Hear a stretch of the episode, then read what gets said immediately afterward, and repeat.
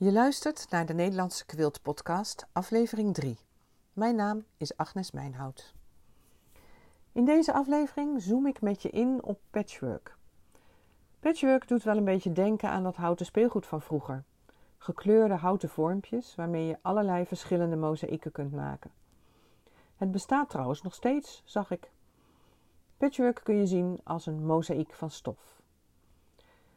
Voor patchwork naai je stukjes stof van verschillende vormen aan elkaar tot een patroon. Dat betekent dat je eerst die vormen van stof moet maken om ze daarna aan elkaar te kunnen naaien. Er zijn trouwens mensen die het maar een rare hobby vinden. Eerst stof in stukken knippen of snijden om het daarna weer aan elkaar te naaien. Iets met paarden en achter de wagen spannen. Maar ze vergelijken de schilderijen die kunstenaars maken toch ook niet met het witte van een muurtje. Denk nog maar eens aan de definitie van vandalen, die ik in de eerste aflevering van deze podcast noemde. Patchwork is kunstwerk van aan elkaar genaaide lapjes textiel. Dus als zo'n lolligert je vraagt waarom dat gedoe met die lapjes zo omslachtig moet, antwoord je maar dat een kunstenaar nu eenmaal goed materiaal nodig heeft om iets moois te maken. En dat je om een kast te maken het hout ook eerst in stukken moet zagen. Oké, patchwork dus mooie geometrische patronen maken. Meetkunde in het platte vlak eigenlijk. Ho ho, dit wordt toch geen wiskundeles hè? Schrik niet, iedereen kan dit. Weet je nog, dat houten speelgoed? Toen was het ook heel makkelijk om met vierkanten, driehoeken en ruiten te spelen en mooie patronen te leggen. Dat gaan we met stof ook doen. En dat is niet moeilijk, maar juist leuk en spannend. En spelenderwijs steek je ook meteen wat meetkundige kennis op. De eenvoudigste vorm om aan elkaar te naaien is wel het vierkant. Je kunt een heel vlak en dus ook een hele lap maken met alleen maar vierkantjes tegen elkaar aan. Maar wanneer wordt het dan leuk om naar te kijken? Als die vierkantjes samen een patroon vormen dat je ook op afstand nog kunt ontwaren. Het kan een heel regelmatig patroon zijn, maar ook meer kriskras door elkaar. Het is maar net welk effect je wilt bereiken. En om dat effect te bereiken ga je spelen met kleur en vooral met contrast. Contrast tussen licht en donker. Je kunt je wel voorstellen dat als je een rode lap in vierkanten snijdt en die dan allemaal weer aan elkaar naait, er niet een heel spannend patroon ontstaat. Een goed contrast tussen licht en donker is de basis van heel veel patchwork patronen. Kleurgebruik en contrast bespreek ik later een keer helemaal uitgebreid nu even over de vraag hoe je die vierkantjes stof maakt. Daarvoor moet ik je eerst iets vertellen over de hulpmiddelen die je nodig hebt.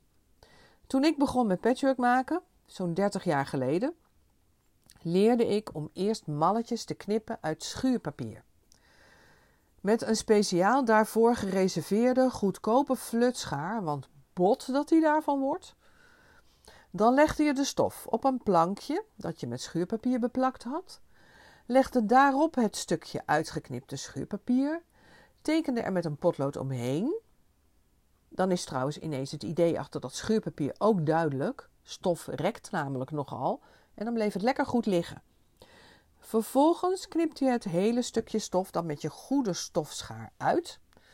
Dat klinkt omslachtig en dat was het ook. En heel precies werd het eerlijk gezegd ook niet. Gelukkig zijn er modernere methoden met slim gereedschap. De snelste en meest precieze manier om stof in de juiste vorm te krijgen is om het te snijden met een rolmes. Uh, dat lijkt op een pizzames, maar dan scherper en speciaal voor stof. En omdat hij zo scherp is, kun je door een paar lagen stof tegelijk snijden. Dat gaat lekker snel. Om hem zo superscherp te houden, moet je hem wel combineren met een goede kwaliteit snijmat. Eén waar het mes insnijdt, zonder dat het mes daardoor beschadigt. En de mat herstelt zich weer van het snijden. Hij bestaat in feite uit samengeperst, een beetje elastisch materiaal. Het mes drukt het uit elkaar en snijdt het niet door. Dit soort matten zijn dun en soepel. De hardere, wat dikkere matten zijn goedkoper en ze zijn bedoeld voor bijvoorbeeld het snijden van papier met een hobbymesje. Maar let op, deze matten beschadigen al snel je rolmes. En in plaats van soepel door de stof te snijden, heb je dan het gevoel dat je over een hobbelige weg rijdt met je mes. Je snijdt niet netjes door de stof, maar je maakt een soort stippellijn. Het snijden hapert steeds. En dat komt omdat je mes niet meer perfect rond is. Goedkoop is dan echt duurkoop, want je moet het mes uit je rolmes vervangen door een nieuwe. Rolmessen zijn er in verschillende vormen. Omdat ze allemaal super scherp zijn, is het ontzettend belangrijk om ze goed te gebruiken en er vooral veilig mee om te gaan. Alle messen hebben een manier om het mes te vergrendelen, zodat hij goed beschermd is als je hem opzij legt. En denk niet, laat maar zitten, ik vind het te veel gedoe. Een mes valt echt wel eens op de grond en die wil je niet in je voet krijgen. En het is ook verstandig om hem uit de buurt van kinderen en huisdieren te houden. De meest gebruikelijke maat van het ronde mes is 45 mm. Er zijn ook kleinere van 28 mm. Die zijn vooral handig voor ronde vormen.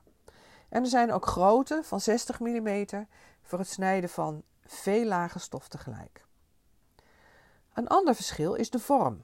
Er zijn rechte messen met een schuif voor het verzekeren van je mes. Andere hebben een iets meer gebogen vorm die wat beter in de hand ligt en waarbij het vergrendelmechanisme wat makkelijker werkt. En er zijn messen van het merk Martelli, die ik zelf met veel plezier gebruik, omdat hun ergonomische vorm supergoed werkt. Ik ben ruim tien jaar geleden aan artrose in mijn hand geopereerd. En veel snijden met de standaard rolmessen vind ik behoorlijk belastend voor mijn hand. Omdat het handvat boven het ronde mes zit waarmee je snijdt, moet je je hand een beetje draaien en dat is niet fijn. Bij de rolmessen van Martelli zit het handvat naast het ronde mes en kun je je hand recht houden. Een neutrale, ontspannen houding, waarmee je minder kracht nodig hebt en langer kunt snijden zonder pijn te krijgen. Omdat het handvat naast het mes zit, zijn er twee soorten: één voor links en één voor rechtshandigen. Kun je nou nog moeilijk voorstellen hoe dat eruit ziet? Ik zet deze podcast ook als blog op mijn website met foto's.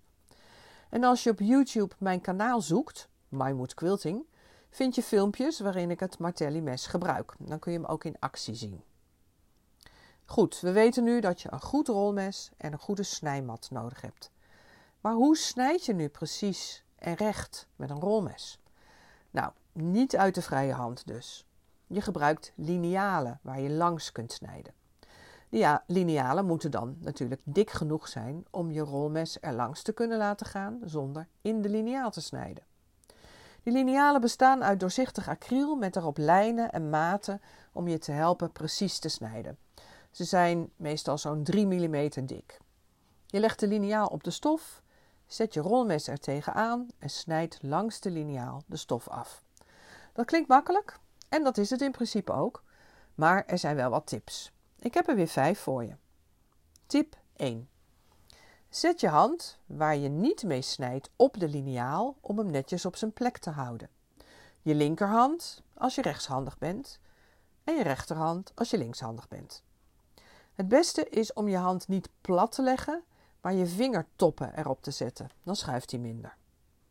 Tip 2. Als je een lange liniaal gebruikt, bijvoorbeeld een van 60 centimeter, is het slim om de hand waarmee je de liniaal vasthoudt een paar keer te verplaatsen. Zet je hand op het eerste deel van de liniaal, snijd een stukje, stop even met snijden, verzet je hand, snijd weer een stukje enzovoorts. Zo voorkom je dat het uiteinde net wegslipt als je het laatste stukje snijdt. Tip 3. Als je zo geconcentreerd aan het snijden bent, let dan op dat niet een van je vingers van de rand van de liniaal glijdt. Het superscherpe mes snijdt ook prima door vingers. En je wilt liever niet bloedend worden afgevoerd naar de spoedeisende hulp. Tip 4. Zet je rolmes rechtop tegen de zijkant van de liniaal. Probeer niet precies aan het begin van de liniaal te beginnen met snijden. Je snijdt dan makkelijk in de liniaal en dat is niet best voor je mes en ook niet voor de liniaal. Houd je mes netjes rechtop en niet scheef tegen de liniaal aan. En tip 5. Als extra hulpmiddel om te voorkomen dat je liniaal gaat schuiven tijdens het snijden, kun je er kleine anti-slip plakkertjes op plakken. Bijvoorbeeld de True Grips plakkers. Ze zijn dun, ze blijven goed zitten op je liniaal en ze werken perfect. hoef je iets minder krampachtig de liniaal met je hand vast te houden. Alles voor ontspanning tenslotte. Nou hebben we het al een hele tijd over gereedschappen en hoe je die moet gebruiken, maar nu weten we nog steeds niet hoe we vierkantjes moeten snijden. Nou, dat is heel eenvoudig. Je snijdt eerst stroken uit de stof van de breedte van je vierkantjes. Daarna draai je de strook om en snijd je er vierkantjes uit. Daarvoor kun je de lijnen van je liniaal gebruiken om de goede maat te snijden. Over hoe je nu bepaalt hoe groot die vierkanten moeten worden, hoe je de zogenaamde naadtoeslag bepaalt en wat dat eigenlijk is, en of je nu in centimeters of in inches wilt werken, dat bespreek ik in de volgende aflevering. En dan tot slot, dat had ik je beloofd, de rokken van Tanny. Ik neem je mee op mijn ontdekkingstocht in het verwerken van de wollen Schotse rokken van mijn schoonmoeder Tanny. Ik heb deze week de eerste rok uit elkaar gehaald en zoveel mogelijk wollen stof geoogst. Het is een rok zonder band met een voering en ingenaaide stolpplooien. Ik heb eerst met een schaar de voering eruit geknipt. En toen met de schaar voorzichtig dicht langs de zijnaden geknipt. Meteen de rits eruit geknipt, die zat in de zijnaad verwerkt. En dat ging met een schaar prima. Dat zou ik met een rolmes veel lastiger vinden. Ik heb er niet voor gekozen om de naden open te gaan tornen. Dat is echt veel te veel werk. En ik heb natuurlijk het merkje eruit gehaald. Daar staat op Fine Woolens Woven in Scotland, Pure New Wool. En het knoopje gered.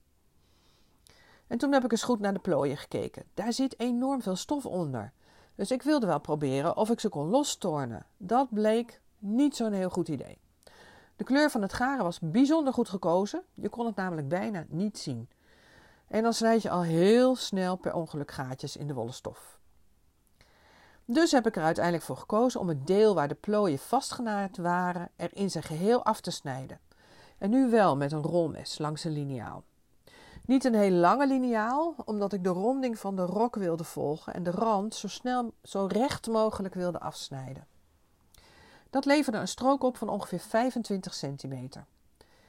Vooral de binnenkant is super leuk om in een project te verwerken. Daar zitten de flapjes van de plooien. De rest van de stof had gestreken plooien. En ik vond het wel spannend om te ontdekken of ik in staat zou zijn om ze eruit te krijgen.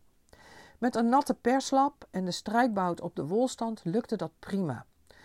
Wel een tijdrovend klusje. Echt iets om een podcast of een Netflix-serie bij aan te zetten, want je hoeft er niet heel goed bij na te denken. En uiteindelijk hield ik, naast die strook met plooien, twee stukken van ongeveer 55 centimeter bij 1,25 meter over. Super veel stof in zo'n rok. Wel een heel stoffig werkje trouwens. En er bleef maar een heel klein hoopje restjes over om weg te gooien. De foto's kun je vinden in mijn blog. Het is leuk om na te denken wat ik ermee wil gaan doen. Misschien vierkanten of rechthoeken. Dat zijn tenslotte gewoon langgerekte vierkanten. Kussens lijkt me leuk, maar tassen ook. Maar dan moet ik eerst de stof uit de andere rokken gaan oogsten om een variatie aan kleur en contrast tussen licht en donker te kunnen maken. En dan maar spelen. Volgende keer verder. Wil je nog meer weten over quilten en patchwork? En wil je mijn ontdekkingstocht met de rokken van Tanny volgen? Abonneer je dan op mijn podcast of ga naar mijn website www.mindwood.nl en meld je aan voor mijn e-mailberichten. Daar vind je ook de teksten van mijn podcast als blog. Kun je alles teruglezen en met foto's. En op mijn website vind je natuurlijk ook de Martelli rolmessen en de True Grips plakkertjes. Bedankt dat je er was en tot de volgende keer. Dag.